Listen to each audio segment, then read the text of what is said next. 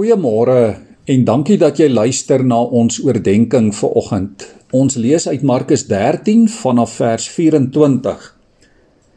Maar in daardie dae, na daardie verdrukking, sal die son verduister word en die maan sal sy lig nie gee nie en die sterre sal uit die hemel val en die kragte in die hemele sal geskit word.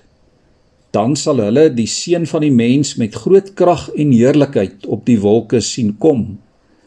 Hy sal dan die engele uitstuur en sy uitverkorenes versamel uit die vier windstreke van die verste hoek van die aarde tot die verste hoek van die hemel.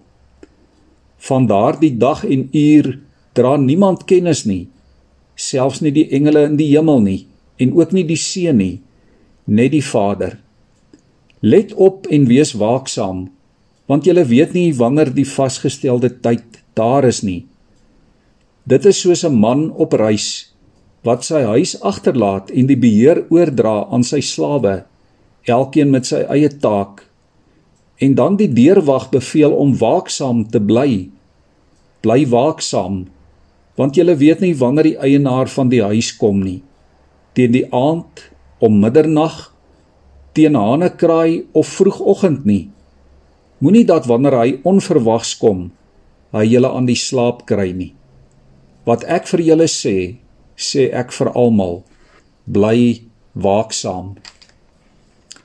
Liewe vriende, hierdie tyd voor Kersfees herinner ons as gelowiges daaraan dat Christus in die wêreldgeskiedenis ingekom het, dat hy as die verwagte Messias soos deur God bepaal op 'n spesifieke oomblik in die tyd op aarde gebore is.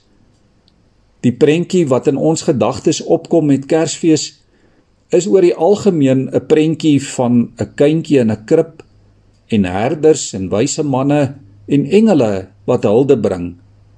Maar daar is ook 'n ander verskuilde boodskap agter Kersfees waaraan ons eintlik glad nie dink nie. En dit is die boodskap dat Jesus weer sal kom.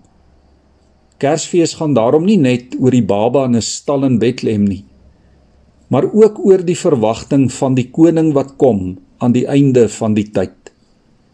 Dan sal sy koninkryk finaal en volkome deurbreek. In Jesus kom die hemelse en die aardse tyd bymekaar en jy en ek is deel daarvan. Ons kan daarom opgewonde en met verwagting uitsien na die toekoms en ons kan met hoop in ons harte leef te midde van en ten spyte van watter omstandighede ons ook al hier op aarde beleef. 4 keer in hierdie kort gedeelte herhaal Jesus wees waaksaam en bly waaksaam in afwagting op die koms van die seun van die mens. Toe ons land se president gisteraand op nasionale televisie nuwe veiligheidsmaatreëls aankondig vir die feestyd met die oproep dat ons as landsburgers ekstra waaksaam moet wees in die lig van die COVID-19 infeksies het dit my aan hierdie woorde van Jesus laat dink.